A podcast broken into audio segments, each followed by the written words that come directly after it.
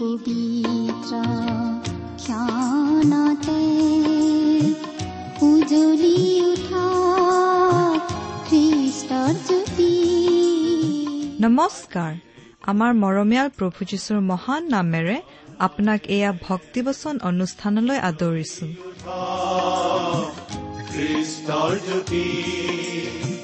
আকাশ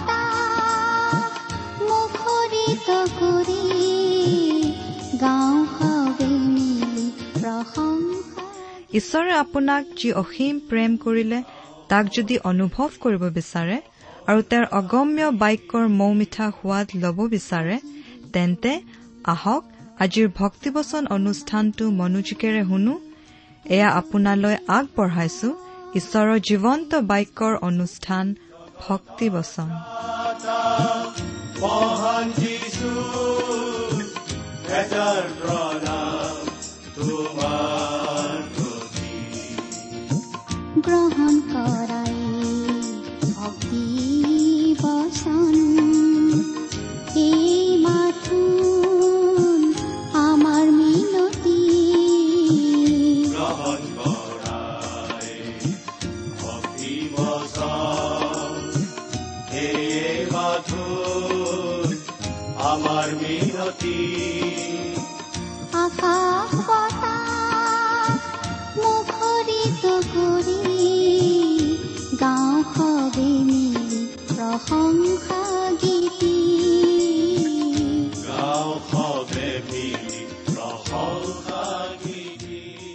আমাৰ পৰম পবিত্ৰ প্ৰভু যীশুখ্ৰীষ্টৰ নামত নমস্কাৰ প্ৰিয় শ্ৰোতা।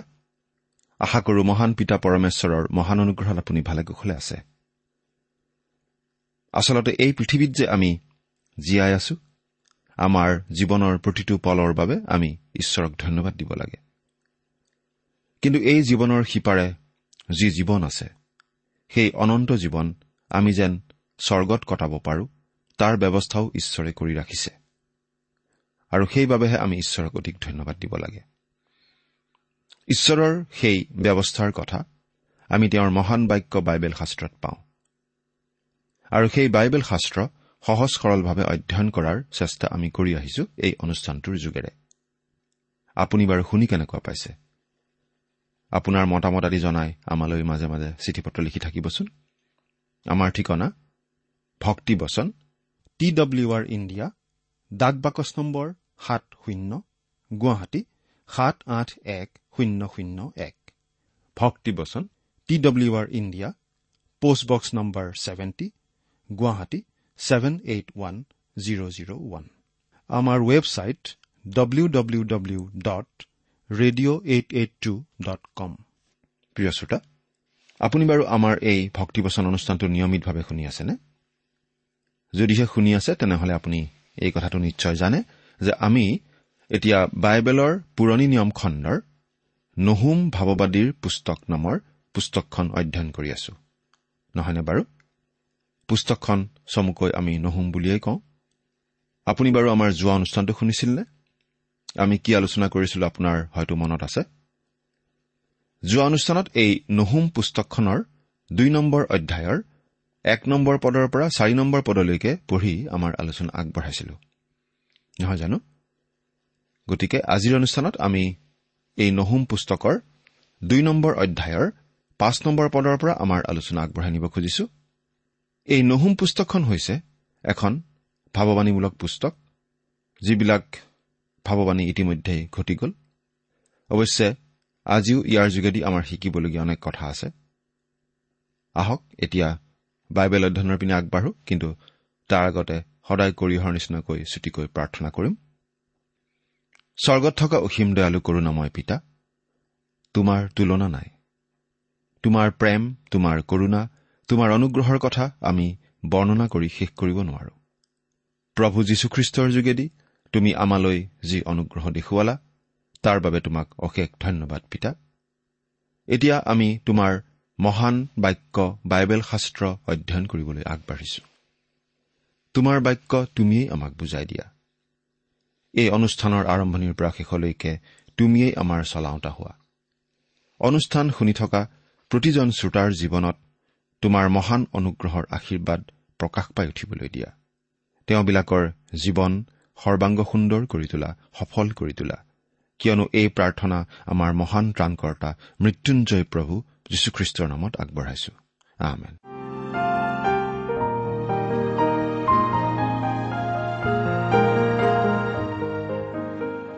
প্ৰিয় শ্ৰোতা নহুম ভাৱবাদীৰ যোগেদি এইদৰে জনাই দিয়া হৈছিল যে অচুৰীয়াবিলাকৰ ৰাজধানী নিনবী নগৰখন শত্ৰুৱে সম্পূৰ্ণৰূপে ধ্বংস কৰিব আৰু তাৰ বিশদ ভাৱবাণী আমি পঢ়িবলৈ পাইছো। আজিও আমি তাকেই চাবলৈ পাম। এতিয়া বাইবেলৰ পৰা পাঠ কৰি দিব খুজিছো। নহুম দুই নম্বৰ অধ্যায়ৰ পাঁচ নম্বৰ পদ। আপোনাৰ লগত যদি বাইবেল আছে অনুগ্ৰহ কৰি চাই যাব। নহলে মন দি শুনিব। ইয়াত এনেদৰে লিখা আছে ৰজাই নিজৰ প্ৰধানবিলাকক মনত কৰিছে। তেওঁবিলাকে যাওঁতে যাওঁতে উজুতি খাইছে। তেওঁবিলাকে তাৰ গড়লৈ লৰালৰিকৈ গৈছে আৰু নগৰ ৰক্ষা কৰা উপায় যুগুত কৰা গৈছে। সেই মাদিয়াসকলে চিয়াক্সেৰেছৰ নেতৃত্বত আহি নিনবীনগৰ ধ্বংস কৰিছিল। সেই সময়ত বাবিলন বেছি শক্তিশালী হৈ উঠা নাছিল। কিন্তু তেওঁলোকেও এই যুদ্ধত মাদিয়াসকলৰ লগত যোগ দিছিল। ওচৰীয়া ৰজাই তেওঁৰ সামৰিক নেতাসকলৰ ওপৰত নিৰ্ভৰ কৰিছিল। কিন্তু ভয়ত বিহ্বল হোৱা কাৰণে তেওঁলোক পতিত হৈছিল। তেওঁলোকৰ যুদ্ধযাত্ৰা বিফল হৈছিল। অৱশ্যে এই যুদ্ধত মুখ্য ভূমিকা আছিল নগৰখনৰ দেৱালৰ সুৰক্ষাৰ বিষয়টোহে। ছয় নম্বৰ পদ নদীবোৰৰ দুৱাৰ মুকলি হৈ গ'ল ৰাজগৃহ পানীত লীন হৈ গ'ল। ইয়াত নহুমে এই ভাৱবাণীটো কৰিছে যে টাইগ্ৰিছ নদীখন নগৰখনৰ ভিতৰ সুমুৱাই দিয়া হ'ব।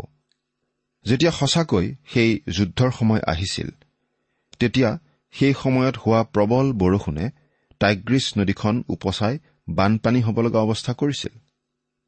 বানপানীৰ ঢলে নগৰৰ দেৱালৰ এটা খণ্ড ভাঙি পেলাইছিল আৰু গোটেই নগৰখন পানীৰে ভৰা পুখুৰী যেন হৈ পৰিছিল। নদীবোৰৰ দুৱাৰ মুকলি হৈ গ'ল আৰু ৰাজগৃহ পানীত লীন হৈ গ'ল। আমি ভাবো যে ৰাজপ্ৰাসাদৰ ভেটিবোৰৰ চাৰিওপিনে মাটি খহি যোৱাত সেইবোৰ ওলাই পৰিছিল আৰু পানীয়ে ৰাজপ্ৰাসাদটো একেবাৰে খহাই বগৰাই পেলাইছিল। বুৰঞ্জী পঢ়িলে আমি এই কথা জানিব পাৰো যে নগৰখনৰ দেৱালৰ এভাগ খহি বাগৰি পৰিছিল। নিনবী নগৰৰ দেৱালৰ প্ৰায় দুই আৰু ডেৰ মাইল মান দীঘল দেৱাল ঠিক টাইগ্ৰিছ নদীৰ পাৰে পাৰে আছিল। নদীৰ পানী সাধাৰণতে যিমান ওখত থাকে তাতকৈ নগৰখন ওখত অৱস্থিত আছিল। কিন্তু নদীৰ পানী বাঢ়ি বানপানী হোৱাত সেই পানীয়ে দেৱালৰ সম্পূৰ্ণ এভাগ বগৰাই পেলাইছিল। গতিকে শত্ৰুবোৰে নগৰত প্ৰৱেশ কৰিব পাৰিছিল। আন কথাত ক'বলৈ গ'লে শত্ৰুবোৰে যিটো কাম কৰিবলৈ বিচাৰি আছিল সেই দেৱাল ভঙা কামটো বানপানী অহা বাবে পানী বাঢ়ি অহা বাবে সেই নদীখনেই কৰি দিছিল। দেখাত এনেকুৱা লাগে যে নগৰখন ধ্বংস কৰা কামত ঈশ্বৰেও সহযোগিতা আগবঢ়াইছিল। বানপানীৰ পানী সোমাবৰ বাবে দুৱাৰবোৰো মুকলি কৰি দিয়া হৈছিল আৰু আনকি ৰাজপ্ৰসাদটোৱেই বানপানীয়ে বগৰাই পেলাইছিল। জানিবলৈ পোৱা যায় যে জলসিঞ্চনৰ খালবোৰ শত্ৰুৱে মুকলি কৰি দিছিল আৰু ৰাজপ্ৰসাদটো সম্পূৰ্ণৰূপে পানীয়ে বুঢ়াই পেলাইছিল। মুঠতে এই নহুম ভাৱবাদীৰ যোগেদি ঈশ্বৰে আগতে জনাই দিয়া কথাবোৰ আখৰে আখৰে ফলিয়াইছিল সাত নম্বৰ পদটো পঢ়ি দিছো। আৰু হুচব অনাবৃতা হল তেওঁক নিয়া হল আৰু তেওঁৰ লিগিৰিবিলাকে বুকুত ভুকুৱাই কপৌৰ স্বৰেৰে শোক কৰিছে। হুচব মানে আচলতে এইদৰে ৰাজ আজ্ঞা কৰা হল। গতিকে এই পদটোৰ অৰ্থ আচলতে এনেধৰণৰ হ'ব। এই ৰাজ আজ্ঞা জাৰি হল যে তেওঁক বন্দী কৰি লৈ যোৱা হ'ব। তেওঁৰ লিগিৰিবিলাকে বুকুত ভুকুৱাই কপৌৰ নিচিনাকৈ ক্ৰদন কৰি তেওঁৰ আগে আগে যাব। এজাক কপৌ পৰি থাকিলে যদি এটা গুলী মাৰি দিয়া যায় তেতিয়া জাকটোৰ বাকী কপৌবোৰ উৰি যোৱাৰ শব্দটো ঠিক বুকুত থপৰিয়াই থপৰিয়াই যোৱা যেন লাগে। নুহুমেও আমাৰ আগত এনে এখন ছবিয়েই দাঙি ধৰিছে। কপৌ চৰাইৰ মাতটো অৱশ্যে দুখৰ বিননি যেনেই লাগে। অৱশ্যে সেইটো আচলতে দুখৰ বিননি নহয়। কিন্তু সেই নিনবী নগৰৰ মানুহৰ বিননি সঁচাকৈয়ে অতি দুখৰ বিননি হৈছিল। আঠ নম্বৰ পদ। কিন্তু নিনবী আগৰ কালৰে পৰা এটা জলপূৰ্ণ পুখুৰীস্বৰূপ তথাপি সিহঁত পলাইছে। লোকে থাক থাক বুলিলেও কোনেও উভতি নাচায়। নিনবী আগৰ কালৰে পৰা এটা জলপূৰ্ণ পুখুৰীস্বৰূপ বানপানীৰ পানী সোমাই নগৰখন এটা হ্ৰদৰ নিচিনা হৈ পৰিছিল। তথাপি সিহঁত পলাইছে। লোকে থাক থাক বুলিলেও কোনেও উভতি নাচায়। সকলোকে নিজ ঠাইত থাকিবলৈ আদেশ দিয়া হৈছিল। কিন্তু যেতিয়া মানুহবোৰে বানপানীৰ ঢল অহা আৰু লগতে দলে বলে শত্ৰুবোৰ অহা দেখিলে তেতিয়া মানুহবোৰ পলাব ধৰিছিল। অৰ্থাৎ মানুহবিলাকে আদেশ অমান্য কৰি যিমান সোনকালে পাৰি পলোৱাই নিৰাপদ বুলি বুজিছিল। ন নম্বৰ পদ তোমালোকে ৰূপ লুট কৰি নিয়া সোণ লুট কৰি নিয়া কিয়নো সাঁচি থোৱা বস্তুৰ সীমাই নাই। সকলো প্ৰকাৰ মানুহৰ বস্তু অতিশয় অধিক পৰিমাণে আছে। তোমালোকে ৰূপ লুট কৰি নিয়া সোণ লুট কৰি নিয়া কিয়নো সাঁচি থোৱা বস্তুৰ সীমা নাই। সকলো প্ৰকাৰ মানুহৰ বস্তু অতিশয় অধিক পৰিমাণে আছে। শত্ৰুবোৰক আহান জনোৱা হৈছে সোণৰ লুটদ্ৰব্য আৰু ৰূপৰ লুটদ্ৰব্য লৈ যাবলৈ। নিনবী নগৰখন অতি ধনী আৰু অলংকাৰেৰে সুসজ্জিত আছিল। ৰাজপ্ৰাসাদ অতি সুন্দৰ আছিল আৰু মানুহবোৰে লাহ বিলাহত জীৱন কটাবলৈ পাইছিল কাৰণ তেওঁলোকে সদায় যুদ্ধ জয় কৰি আহিছিল। অৰ্থাৎ সেই ওচৰীয়াবিলাকে সেই কালৰ প্ৰায় সকলোবিলাক ডাঙৰ দেশৰ পৰাই সা সম্পদ কাঢ়ি লৈ আহিছিল। আনকি দক্ষিণ ইছৰাইলীয় ৰাজ্য জিহুদায়ো সেই সময়ত ওচৰীয়াবিলাকলৈ কৰ ভাৰ আদি পঠিয়াই থাকিব লাগিছিল। গতিকে সেই নিনবী নগৰখন অতি চহকী হৈ পৰিছিল। কিন্তু এতিয়া সেইবোৰ সকলো শত্ৰুৱে লুট কৰি লৈ গ'ল। দহ নম্বৰ পদ। সেই নগৰী শূন্য সুদা আৰু উচ্ছন্ন। ভয়ত মন পমি গৈছে। আৰু আঁঠুৱে আঁঠুৱে লগালগি হৈছে। আটাইৰে কঁকালত বেদনা আৰু আটাইৰে মুখ বিবৰ্ণ হৈছে। সেই নগৰী শূন্য সুদা আৰু উচ্ছন্ন। ওচৰীয়াবিলাকে সকলো পিনৰ পৰা বয় বস্তু লুট কৰি আনি নিজৰ ৰাজধানীত গোটাইছিল। কিন্তু তেওঁবিলাকৰ শত্ৰু আহি আজি সেই সকলোবোৰ কাঢ়ি লৈ গ'ল। ভয়ত মন পমি গৈছে। আৰু আঁঠুৱে আঁঠুৱে লগালগি হৈছে। যেতিয়া আঁঠুৱে আঁঠুৱে লাগি যায় তেতিয়া মানুহজন ভয়ত বিহবল হোৱাকেই বুজায়। অন্তৰত প্ৰচণ্ড ভয় থকা বুলি বুজা যায়। আৰু ওচৰীয়াবিলাকৰ ক্ষেত্ৰত ঠিক তেনেকুৱাই হৈছিল। আটাইৰে কঁকালত বেদনা আৰু আটাইৰে মুখ বিৱৰ্ণ হৈছে। সেই সময়খিনি ওচৰীয়াসকলৰ বাবে অতি ভয় আৰু বিহ্বলতাৰ সময় আছিল। কাৰণ তেওঁলোকে এই কথাটো জানিছিল যে তেওঁলোকক সেই সময়ৰ পৃথিৱীৰ সকলো জাতিয়ে ঘীন কৰিছিল। তেওঁলোকৰ বৰ্বৰতাৰ বাবে। আৰু এতিয়া তেওঁলোকৰ ওপৰত প্ৰতিশোধ লোৱা হৈছে। তেওঁলোকৰ মুখ ৰঙা হোৱা নাই কিন্তু নুহুমে কৈছে তেওঁলোকৰ মুখ বিৱৰ্ণ হৈ পৰিছে। আমি এই বুলিও অনুমান কৰিব পাৰো যে তেওঁলোকে হয়তো চট কাপোৰ পিন্ধি গাই মূৰে চাই সানিছিল। এঘাৰ নম্বৰ পদ। য'ত কোনেও ভয় নলগোৱাকৈ সিংহ সিংহিনী আৰু সিংহ পোৱালি ফুৰিছিল। সিংহৰ সেই গুহা আৰু যুৱা সিংহৰ সেই খোৱা ঠাই কত? ওচৰীয়া আৰু বাবিলনীয়া এই দুয়োটা জাতিয়ে তেওঁলোকৰ জাতিৰ সাম্ৰাজ্যক প্ৰতিনিধিত্ব কৰিবলৈ সিংহৰ ছবি ব্যৱহাৰ কৰিছিল। নহুমে ইয়াত হয়তো সঁচা সঁচি সিংহৰ কথাই কৈছে কাৰণ ওচৰীয়াবিলাকৰ ওচৰত বহুতো সিংহও আছিল। নাইবা হয়তো ওচৰীয়াবিলাকৰ ডেকাসকলৰ কথাও বুজাব পাৰে কাৰণ সিংহ আছিল তেওঁলোকৰ সাম্ৰাজ্যৰ ক্ষমতাৰ প্ৰতীক। কিন্তু ইয়াৰ মূল কথাটো এইয়ে যে সঁচা সিংহই হওক নাইবা ওচৰীয়াবিলাকৰ সৈন্যবাহিনীৰ ক্ষমতাই হওক সেইবোৰ এতিয়া নোহোৱা হ'ল। সেইবোৰ গুচি গ'ল নাইবা সেইবোৰক বধ কৰা হ'ল। বাৰ নম্বৰ পদ সিংহই নিজৰ পোৱালীবোৰৰ নিমিত্তে জোৰাওকৈ অনেক পশু চিৰিছিল। আৰু নিজ সিংহিনীবোৰৰ নিমিত্তে ডিঙিত টেপা দি পশু মাৰিছিল। আৰু চিকাৰেৰে নিজৰ গুহাবোৰ ধৰিঅনা পশুৰে নিজৰ গাঁতবোৰ ভৰাইছিল। সঁচা সিংহই হওক নাইবা ওচৰীয়া সৈন্যবাহিনীয়েই হওক আগতে তেওঁলোকক খুব ভালদৰে খুওৱা হৈছিল। কিন্তু এতিয়া সেই সকলো শেষ হ'ল। এতিয়া খাবলৈ একো নাই সকলো শত্ৰুৱে কাঢ়ি নিলে। এতিয়া পাঠ কৰি দিব খুজিছো তেৰ নম্বৰ পদ। বাহিনীবিলাকৰ জিহুৱাই কৈছে চোৱা মই তোমাৰ বিপক্ষ। মই তোমাৰ ৰথবোৰ পুৰি ধোঁৱাত লীন কৰিম আৰু তৰোৱালে তোমাৰ যুৱা সিংহবোৰ গ্ৰাস কৰিব।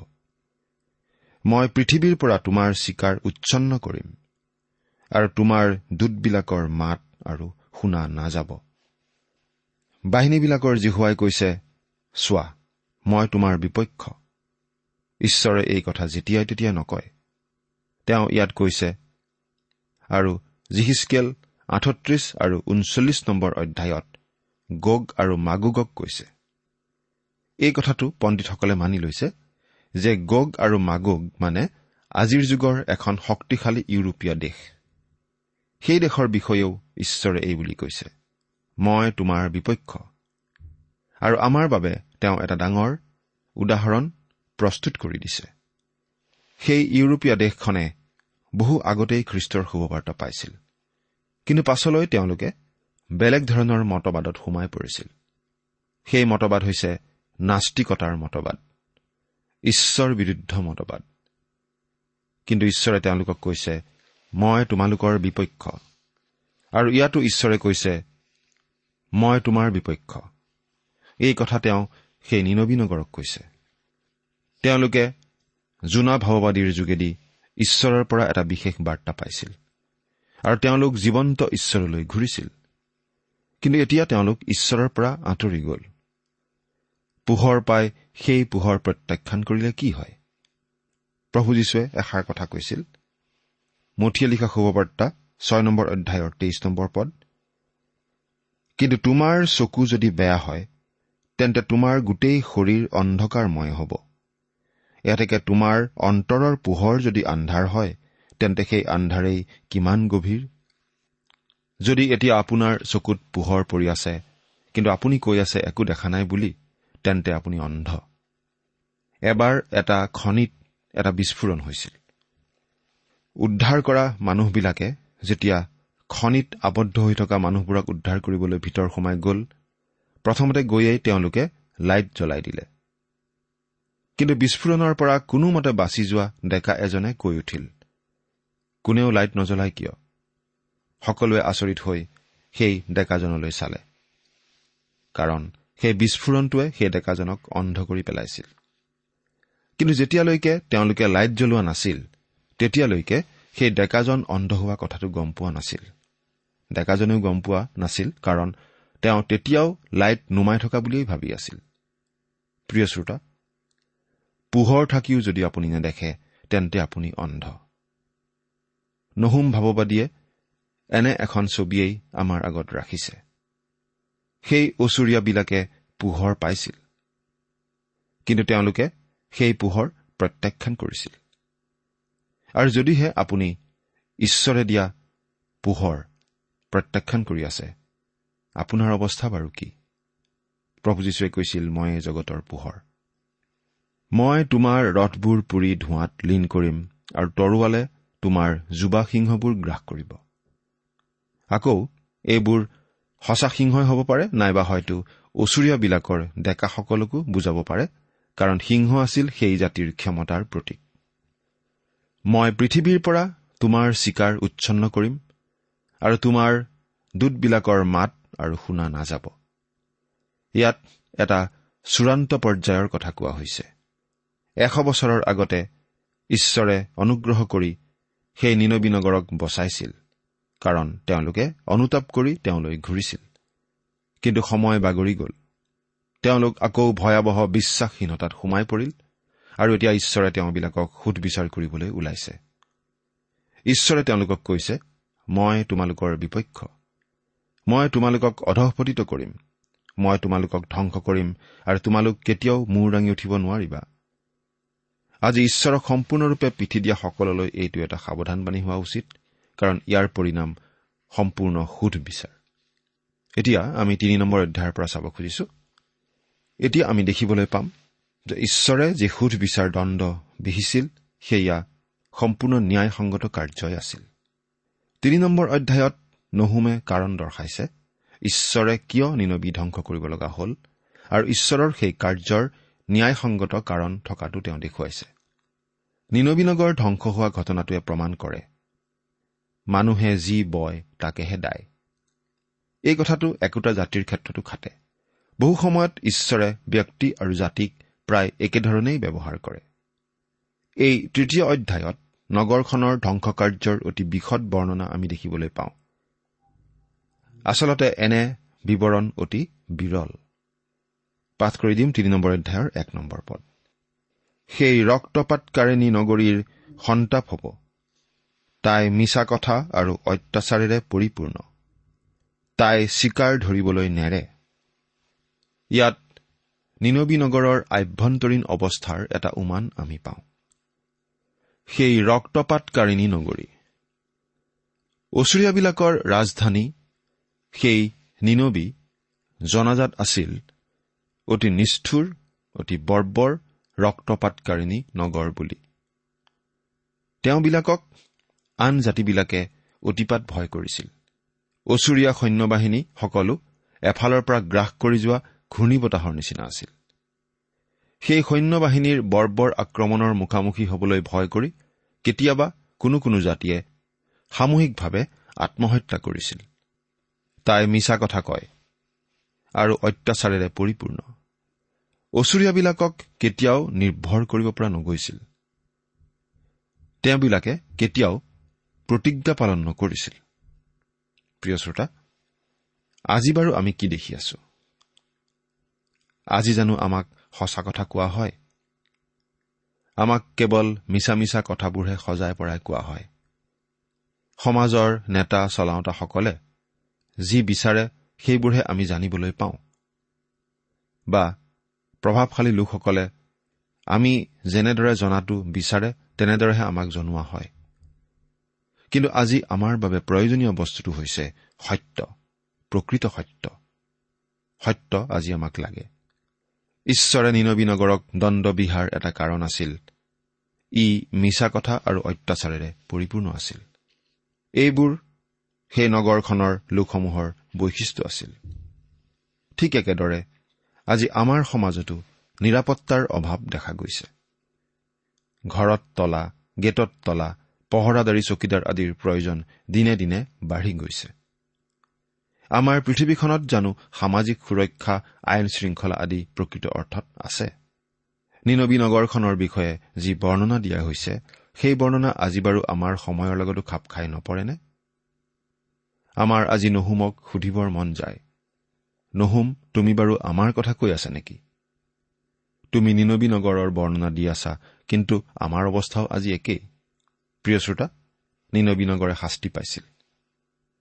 তেনেহলে নিনবী নগৰৰ নিচিনা একে অৱস্থা থকা আমিও শাস্তি নাপামনে? এই কথাই আমাকো সচেতন কৰি দিয়া উচিত নহয়নে? ঈশ্বৰৰ বাক্যৰ সাৱধানবাণীৰ প্ৰতি আওকাণ কৰি কোনো মানুহেই কেতিয়াও সাৰি যাব পৰা নাই। এই কথাই আমাকো সাৱধান কৰি দিয়া উচিত নহয়নে? চিন্তা কৰি চাওকচোন। ঈশ্বৰে আপোনাক আশীৰ্বাদ কৰক। আমেন।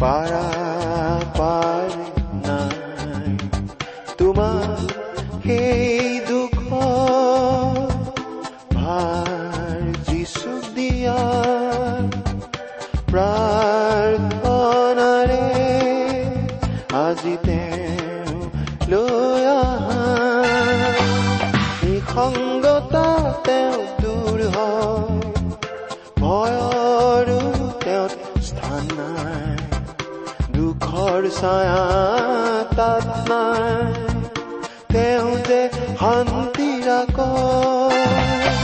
নিসংগতা তেওঁ দূৰ হয় তেওঁত স্থান দুখৰ ছায়া